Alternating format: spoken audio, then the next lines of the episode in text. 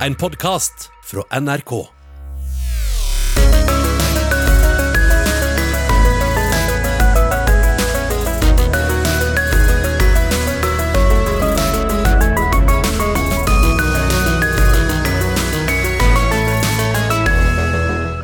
Hun ene kan bli den nye lederen som klarer å samle et opprive Venstre dersom hun orker. Hun andre, som gikk av i mars, så ikke lenger meninga med lederlivet.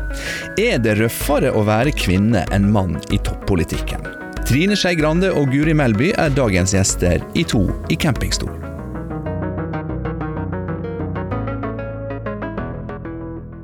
Ja, spørsmålet er hvem blir den nye lederen i partiet Venstre på det koronaforsinka landsmøtet i september? Blir det deg, Guri Melby? Eh, det kan jeg jo ikke svare på. Og det er det jo Jeg spurte deg jo også. ja, nei, Det er jo to grunner til. For det første så er jeg nødt til å finne ut hva jeg sjøl vil. Og så tenker jeg at det handler litt om at partiet må finne ut av hva partiet vil òg.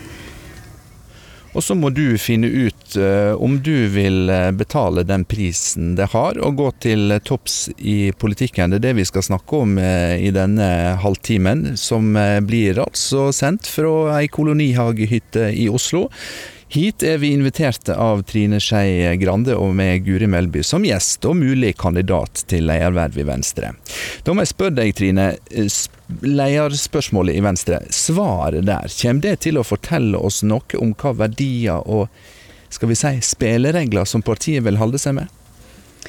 Nei, nå tror jeg vel at de navnene som nevnes, det er de fire navnene til de fire statsrådene våre. Det er jo ikke så store politiske sprik eh, mellom dem. Eh, alle fire mente vi skulle gå i den regjeringa vi sitter i nå, eh, og stemte for det når, når vi, vi hadde en vanskelig prosess på det. Eh, føler ikke at det er så store politiske sprik i viktige saker heller. Men det er Så- fire vidt forskjellige personligheter med Ja, men ulik det er Venstre. Vi har, vi har plass til ulike personligheter i Venstre. Ja. Men eh, la meg spørre deg, da. Det at Sveinung Rotevatn gikk ut i sosiale medier i mai og lanserte sitt kandidatur som leder, var det sånn du ville ha gjort det, for å bruke en Erna Solberg-metafor? Eh, nei, det er, vel, eh, det er vel ikke så mange kvinnelige politikere som har brukt akkurat den metoden. Det tror jeg ikke. Men eh, Sveinung er jo opptatt av åpenhet rundt sitt kandidatur, og det var derfor han valgte å gjøre det, og det syns jeg jo er helt ok. Kan det også tolkes som å være opptatt av å hva skal vi si, få kontroll på å kuppe en, eh, en nominasjonsprosess ved å være først på ballen? Nei, jeg tror ikke det er noen som tror at Sveinung prøver å kuppe pro prosessen. Jeg tror han er, har et ærlig og oppriktig ønske og hadde lyst til å fortelle hvorfor han skulle gjøre den jobben. Eh, Så, så tror jeg han også tåler både debatt rundt andre, og, et, eh, og det må han tåle når han har valgt å gjøre det på den måten der. Guri, du sier at du er i tenkeboksen, eh, og ettersom jeg forstår, så skal du bruke sommeren til å finne ut av dette. Ja, jeg tror du må huske på at um, sånn som Jeg antar jo at både Sveinung og Abid har jo vært i en sånn prosess lenge, der man har tenkt litt på hva man ønsker. Eh, mens for meg så, så har det ikke vært så veldig aktuelt egentlig å skulle tenke på om jeg skulle bli leder av Venstre eller ikke, så det har ikke jeg brukt så veldig mye energi på heller. Eh, og så fikk jeg jo da spørsmål om å bli kunnskapsminister rett før Norge gikk i lockdown, og har brukt veldig mye av tida mi og energien min på det, og ikke så mye tid til å tenke på det her. Så jeg trenger litt tid på meg på å vurdere både hva som er best for meg sjøl, hva jeg har lyst til, og hva som er bra for partiet. Jeg, jeg, tror, jeg er jo sånn generelt eh, en person som takker ja når jeg får spørsmål om eh, oppgaver. Men jeg er litt opptatt av å tenke etter sånn hva jeg virkelig har lyst til sjøl. Eh, og kjenne etter om det før jeg bestemmer meg for hva slags verv jeg har lyst til å gå for. Men nå er det altså fire kandidater som blir eh, omtalt. Eh, næringsminister Iselin Nybø er nevnt. Abid Raja er det mange som har tenkt lenge at han har lyst til å bli leder, og Sveinung Rotevatn har gjort det helt klart at han har lyst til det. Tåler partiet Venstre en prosess der det foreligger noe annet enn ei samla innstilling fra valgkomiteen, eh, der f.eks. to kandidater står mot hverandre? Hvis den situasjonen skulle oppstå, så tror jeg vi tåler det. Men det som er avgjørende, er jo hvordan de personene som er involvert i den prosessen, håndterer den. Eh, det at man er ryddig og ordentlig, f.eks. Det at man spiller med åpne kort. Altså det å reise rundt og snakke med folk og diskutere og debattere og vise fram hva som er forskjeller og likheter og sånn, er jo helt fair. Eh, det som ikke er bra, er jo dersom det blir eh, brukt eh, ja, dersom man bakvasker den andre, eller dersom det foregår veldig mye spill i kulissene og sånn. Eh, det er ting som skaper veldig mye uro og misnøye i en organisasjon, og det kan være giftig. Så det tåler ikke vi. Men hvis, så lenge vi greier å holde en ryddig og ordentlig prosess der vi alle sammen er OK mot hverandre, så skal vi tåle egentlig det meste, tror jeg. Men siden du nå nevner farene for at det blir gjort ting som skaper giftig stemning, da. Skal jeg tolke deg dit hen at du, at du frykter at uh, noen av de andre kandidatene kan komme til å gjøre det? Jeg har ikke noen grunn til å frykte det nå. Um, men uh, altså Og jeg skal ikke si at den ting har foregått heller, men det vi har opplevd i Venstre de siste årene, er jo at vi har hatt ja, anonyme kilder. Vi har hatt folk som har fortalt om ting som har foregått i rom der man har tenkt at det som har skjedd, har vært fortrolig, og en del sånne ting. Og jeg tror Det det egentlig handler om her, er at eh, det er viktig at vi opptrer på en sånn måte at vi greier å bevare tilliten til hverandre. For Hvis du mister tilliten, så har ikke vi så veldig mye igjen egentlig i politikken. Eh, så, og jeg tenker at uh, I en situasjon der det er mye som står på spill, så er det alltid en fare for at sånne ting skjer. Og Det trenger ikke å være hovedpersonene sjøl som står for det heller. Det kan være andre aktører for eksempel, som støtter dem, som kan være like mye skyld i det. egentlig. Så Derfor så er det litt sånn at uh, vi som er, altså De fire det ofte blir snakka om, da, det er ikke nødvendigvis vi som har den fulle og hele kontrollen på om sånne ting skjer eller ikke heller. Det her er det faktisk ganske mange som, som kan ende opp med å utløse litt sånn uheldige virkninger. da. Men vi er nå liksom forbilder uansett, da. Trine Skei Grande, vil uh, Guri Melby være en leder som klarer å fullføre det prosjektet som du kasta inn håndkleet på? Samle Venstre? Ja, jeg håper jo at den man ender med, i hvert fall gjør det. For det er hovedoppgaven, mener jeg. Og jeg håper jo at, at vi får en valgkomitéinnstilling som er eh, enstemmig. Det var det jeg håpa å, å både legge grunnlaget for i starten, og håper jeg kan nå ha gitt rom for å legge grunnlaget for nå. Så, så jeg håper jo at folk snakker sammen og finner ut hvem som har tillit til å bygge dette videre. Og, og sjøl om jeg ikke er en del av den diskusjonen nå, så har jeg tiltro til at det er mange flinke folk her. Jeg tror det er flere som kan navngi flere venstrefolk enn i mange andre partier.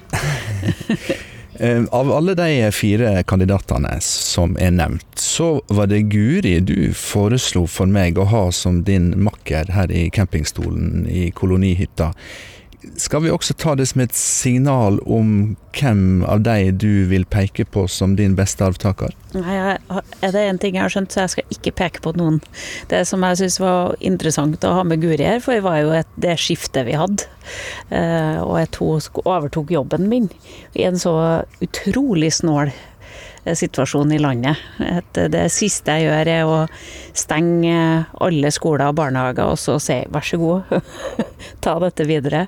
Så jeg tar all skyld for nedstenginga, eh, og så skal hun få all æren for måten det ble håndtert på etterpå.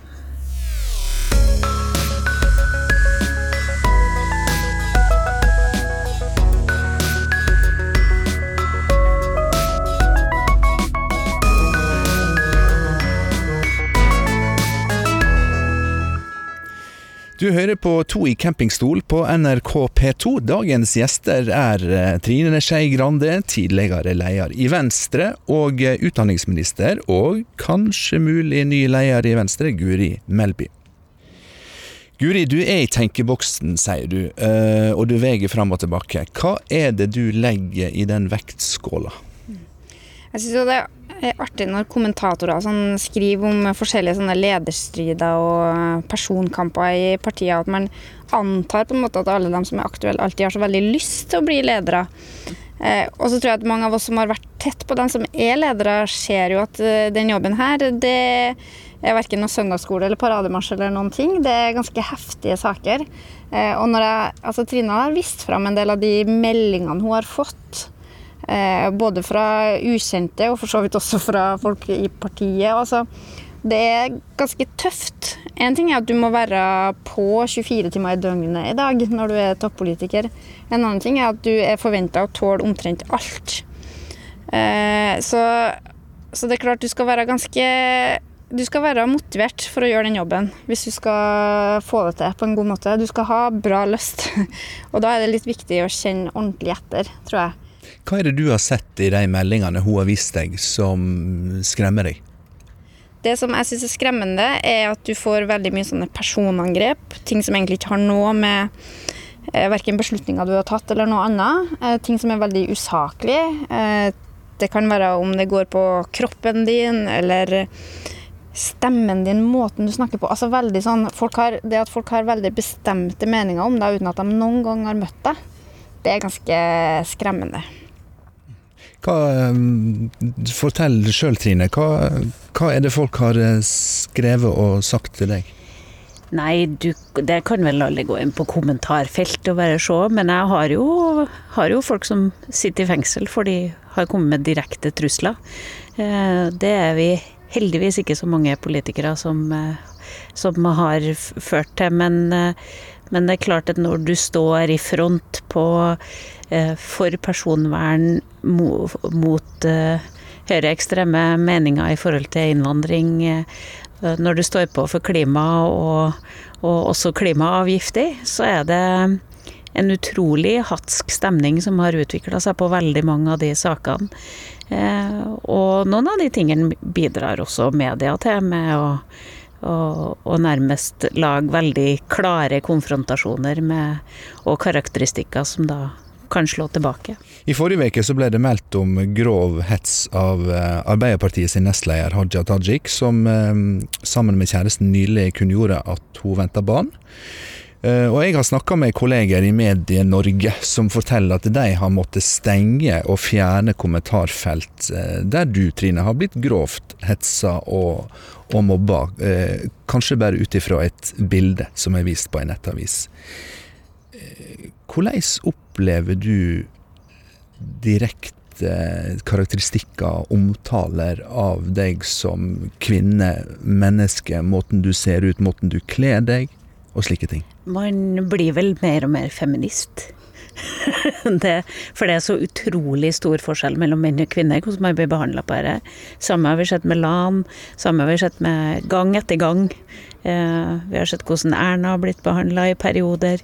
Eh, så, så det er, det er noe utfordrende for noen mannekulturer som ikke er i stand til å da argumentere lenger, men må gå over til skjellsord.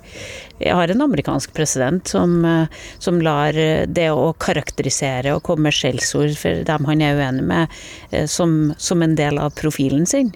Og det er klart at det påvirker den offentlige debatten også. Det eneste mekanismen for å overleve, det er å ikke lese det ikke forholde seg til det. Eh, og tenke at det er ikke dem som stemmer på deg uansett.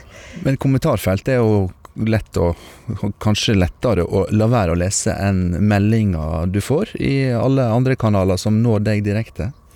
Ja, og det er klart at, eh, at jeg syns jo også at det har et demokratisk aspekt. Hvor mye man skal tåle. Fordi at vil det være sånn at du liker de politikerne som du får til slutt, når politikere må tåle så mye? Eller kommer vi i en situasjon der, der eh, vi får de politikerne vi ikke vil ha, fordi at vi får bare de politikerne som tåler det. Eh, det syns jeg er et sånn demokratisk problem. De som søker oppmerksomhet uansett hva det koster? Ja. Det andre som er et demokratisk problem, er at vi ser at spredningen av falske nyheter, også knytta til politikere, er så massivt og så svært og så organisert som det er. Vi opplevde jo hatkampanjer både mot Venstre og mot meg, der vi visste at serverne sto i Baltikum og spydde falske nyheter inn over det norske. Og jeg blir fortsatt konfrontert med, med, artikler spredd av servere fra Baltikum eh, mot meg som person. Eh, der folk kommer på stand og lurer på har jeg ment jeg virkelig det den gangen. Eh, og der jeg må fortelle at dette er falske nyheter plassert av, av kampanjer. Eh, som, som har en enorm stor kraft inn i et demokrati. Så jeg mener at dette, dette er demokratiske grunnleggende utfordringer. Og det er en spesiell utfordring når det er så lett å ta kvinnelige politikere. Men Guri, jeg må spørre deg, det vi snakker om nå, altså hets av person, personlighet, eh, kropp, all, alt mulig. Er det noe som kan komme til å bikke det valget du skal gjøre? Ja, det er jo en del av den vektskåla som du snakka om innledningsvis. Det er klart det er mange ting som eh, ligger på den vektskåla. Det ene handler jo liksom om balansen mot privatliv. Det handler jo om rett om du har tid, men også overskudd til å være der for ungene dine. Og der tenker jeg også på akkurat de tingene her. For én ting er hvor mange timer i døgnet du er hjemme. Eh, vi skal alltid greie å finne løsninger som gjør at du får vært sammen med ungene dine. Men en annen ting er jo også om du har overskudd til å være der for dem. Eh, og også om du greier å skåne dem. Eh, noe av det som er mer skremmende, er jo også når jeg får høre historier om politikere som har opplevd at ungene deres har fått trusler, f.eks. når de har stått i tøffe saker. Så det er klart at eh, det er ikke en sånn yrkesvei der det er veldig sånn enkelt og greit. Det er veldig vanskelig å skille eh, rolle fra person, da. Det er det som gjør det litt krevende. Eh, for vi vet jo godt at selv om du har en offisiell rolle, både om det er partileder eller som kunnskapsminister, så er det ikke nødvendigvis den du er som person. Men for folk i offentligheten så fremstår det ofte som den samme. Eh, og da blir også det blir litt vanskeligere å distansere seg fra en sånn kritikk. Og så merker jo jeg jo at altså, ytringsrommet for en kvinne er veldig mye mindre enn for en mann. Eh, så lenge du holder deg på litt sånn ukontroversielle saker, og holder deg på også ganske sånn ukontroversielle meninger, så går det greit. Men eh, det å være Er du litt spissformulert, eller tar du på en litt sånn marginal sak eller noe sånt, så er det veldig mye mindre rom for kvinner å gjøre det enn det for menn, opplever jeg. Trine, nå er Guri her i tenkeboksen, eh, og du sa til meg at eh, hvis hun eh, kommer til at hun ikke vil stille, så er det ikke så rart, slik som det har blitt å være kvinne i toppolitikken. Vil du utdype dette på radio? Nei, men jeg skjønner at man har sine kvaler med å gjøre det. Både når man ser ja, hvordan den offentlige debatten har blitt, hvordan hvordan man må tåle så mye mer. Eh, så det Jeg skjønner folk som ikke vil. Eh, til det har jeg vært med for så lenge at det kan jeg argumentene for. Men jeg håper jo at de rette folkene vil òg. At det ikke bare er alle dem som er så hardhuda at de kan stå uten ryggrad, som vi bruker å si, som blir igjen i politikken. At vi får bare drittsekkene som ikke bryr seg om hva andre sier, til å ta på seg politiske verv framover. Det håper jeg jo virkelig. Trine, vi, vi snakka tidligere om at du er et eh, følelsesmenneske, eh, og at du lett tar til tårene. Eh, er jo ikke hemmelig, det, for det finnes det jo både video og bilder av. Eh, og så har vi sett at eh, Abid Raja han har den samme evnen. Han tør også å gråte i offentlighet. Tror du at du og han blir møtt annerledes og sett annerledes på, fordi du er kvinne og han er mann? Ja, det tror jeg bestemt. Eh, det blir jo framstilt som en svakhet å være følelsesmenneske. Eh, men det er jo ikke sånn at man har sett og grint til alle sammenhenger og alt mulig sånn. Eh, men, men hos kvinner så er det en svakhet. Hos menn så er det en styrke. Men sånn er det. Det er ikke bare det som er Det er veldig mange andre grep og du kan ta i politikken der noe blir sett på som en styrke, og når menn gjør det, så blir det sett på som en svakhet når kvinner gjør det. Men er det også eh, saker og hendinger som, som kvinner kan komme lettere ifra fordi de er kvinner? Ja, det, det, det, kommer jeg ikke på. Men jeg tror jo altså at Norge er et fantastisk land når det gjelder Jeg, jeg bruker å si, jeg å si vi, er, vi er single damer uten barn og er toppolitikere. Og jeg er både tjukk og passer ikke inn i noen sånn skjønnhetsidealer nå. Det tror jeg ikke man kunne gjort i noe annet land. Sjøl i Sverige må du vise fram perfekte familier for å være toppolitiker eller passe inn i et eller annet skjønnhetsideal. Det er veldig få land der eh, jeg kunne vært toppolitiker ut fra de forutsetningene eh, som jeg har. Så du sier at det er lettere i Norge å bygge seg opp som toppolitiker og være kvinne som ikke passer inn i alle ideal, samtidig som det òg er krefter der som er sterkere enn før, som, som, prøver å bryte ned slike som deg og andre frontfigurer, da? Ja, det jeg har merka med spesielt sånn som nettdebattene nå utvikler seg, så er både ytre høyre og ytre venstre mye mer til stede i de debattene, og de trigger hverandre inn. Og plutselig har sånne holdninger til kvinner som, som før folk ville vært flaue av å framføre, er plutselig helt greit. Og det har skjedd i løpet av bare noen få år. Eh, før så kunne man eh, oppleve negative holdninger og sånn, men det var ikke noe som folk slo på stortromma og var stolt over å framføre. Det, det ble liksom murra i, i bakgrunnen. Men nå ser vi i det offentlige rom at du ser direkte kvinnefiendtlige holdninger. Eh, som, som plutselig er stuerein å framføre. Da. Altså det det handler om her, altså det å være kvinnelig politiker du, Det at vi i hele tatt bruker det ordet, da, kvinnelig politiker, mm. Det er jo fordi det er noe markert, noe som skiller seg fra normalen. For selv om vi har hatt en lang rekke dyktige kvinnelige politikere, så er det fortsatt at liksom, det som er nøytralt, det er en mannlig, kanskje middelaldrende politiker. Det er liksom det vi er mest vant med å se. Fortsatt så er det sånn. Mens alt som stikker seg ut fra det, enten man da er kvinne eller man har innvandrerbakgrunn, eller man ser litt annerledes ut eller har et eller annet trekk som gjør at man skiller seg fra det A4-bildet du har, så tror jeg at det framkaller sterkere følelser hos folk. Altså Den offentlige debatten har vært mye prega av den hetsen som politikere får, og det mener jeg er riktig å sette søkelys på, for det har forsterka seg veldig. Jeg må også si at jeg opplever ganske ofte å gå på gata og få hyggelige tilbakemeldinger. Det er folk som kommer bort for å bare si fra at de syns du gjør en god jobb, eller sender faktisk en mail eller noe bare for å si fra om det. Eh, så vi trykker nå på noen knapper til folk, da, på godt og vondt. Eh, så hvis du skal snakke om noen fordeler vi har, så tror jeg at eh, det betyr at folk legger merke til hva du gjør, og at de har en mening om det. Men jeg har jo lyst til å si at jeg mener jo politikere som Trine også Erna og en del andre, de har jo bidratt til å utvide rommet for hva det vil si å være kvinnelig politiker. Fordi at jeg mener jo Trine har bidratt til at du trenger ikke å være perfekt. Du kan si litt dumme ting, og du kan grine noen gang, og det er greit. Og det er kanskje faktisk noe av det som står igjen etterpå.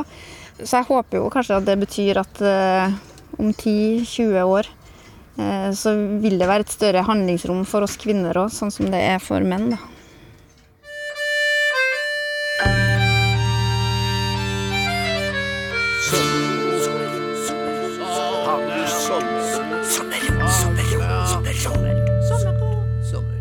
Hei, det her er Henning Sommerro.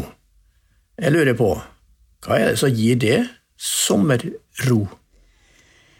Altså, ferie er jo en viktig del av sommer, da. Og når jeg får en sånn skikkelig feriefølelse, det er den første søndagskvelden som du har i ferie.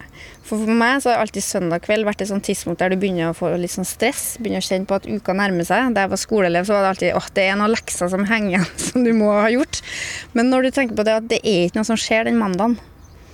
Det der å se på Sportsrevyen og vite at uh, du trenger ikke å gå og legge deg, det er bare å liksom slappe av og nyte kvelden. Det er da jeg får ordentlig sånn sommerfølelse. Sommerro. Kan kunnskapsministeren ta seg sommerferie slik eh, landet har blitt? Det håper jeg. Jeg har jo aldri hatt den jobben her eh, verken en vanlig sommer eller den sommeren her, da, så jeg er jo litt spent på hvordan det går. Men jeg har nå meldt fra at jeg skal ha ferie, og jeg har dyktige statssekretærer som skal være på jobb mens jeg har fri. Men det er klart at i en sånn jobb som det her, så må man også være forberedt på at man eh, må trå til, eh, og at man må være tilgjengelig. Det er klart det. Vi er fortsatt i en krisesituasjon, eh, så jeg har ikke tenkt å legge bort telefonen. Nei, det har jeg ikke. Vi kan ikke slippe deg, eh, Trine Skei Grande, ut av campingstolen før vi har fått svar på et viktig spørsmål. Hva skal du nå gjøre? Jeg er på Stortinget. Det er ennå et år til. Og så eh, håper jeg at jeg bruker den til et eller annet. Bare 50. Jeg skal rekke en ting til, tror jeg. Eh, før, det, før arbeidslivet er over. Så Hva telefon blir du kjempeglad for å få? Trine, vil du ha denne jobben? Eh, ja, Reality-program kan slutte å ringe nå, kan jeg bare si det. Eh, jeg skal ikke være med på det. Men nei, jeg håper jo f.eks. at jeg får jobba innenfor kulturkunnskapssektoren, som er det jeg har brukt hele livet mitt på. At jeg har opparbeidet Vil du jobbe i Norge, vil du jobbe internasjonalt? Nei, det har jeg ikke bestemt meg nå for. Jeg syns det er litt deilig den her fasen å ikke ha bestemt og ikke visst. For de siste 20 årene av livet mitt har liksom hele tida vært prega av at jeg ikke kunne velge. Når du stiller til valg, så har masse folk investert i deg. Eh, Det er et fylkeslag som forventer at du skal gjøre en jobb, det er et landsmøte som forventer at du skal gjøre en jobb. Så akkurat nå så nyter jeg denne følelsen av å ikke vite og ikke ha bestemt. Og så håper jeg det er noen som har lyst til å bruke meg til noe om et år. Du har hørt på To i campingstol på NRK P2. Programleder Håkon Haugsbø og produsent Lars Erik Ertsgaard Ringen takker for oss. Vi er tilbake på kanalen til samme tid i morgen. Da møter vi tidligere barneombud Reidar Gjermann i seilbåten hans, sammen med barnebokforfatteren Gro Dale. På gjenhør.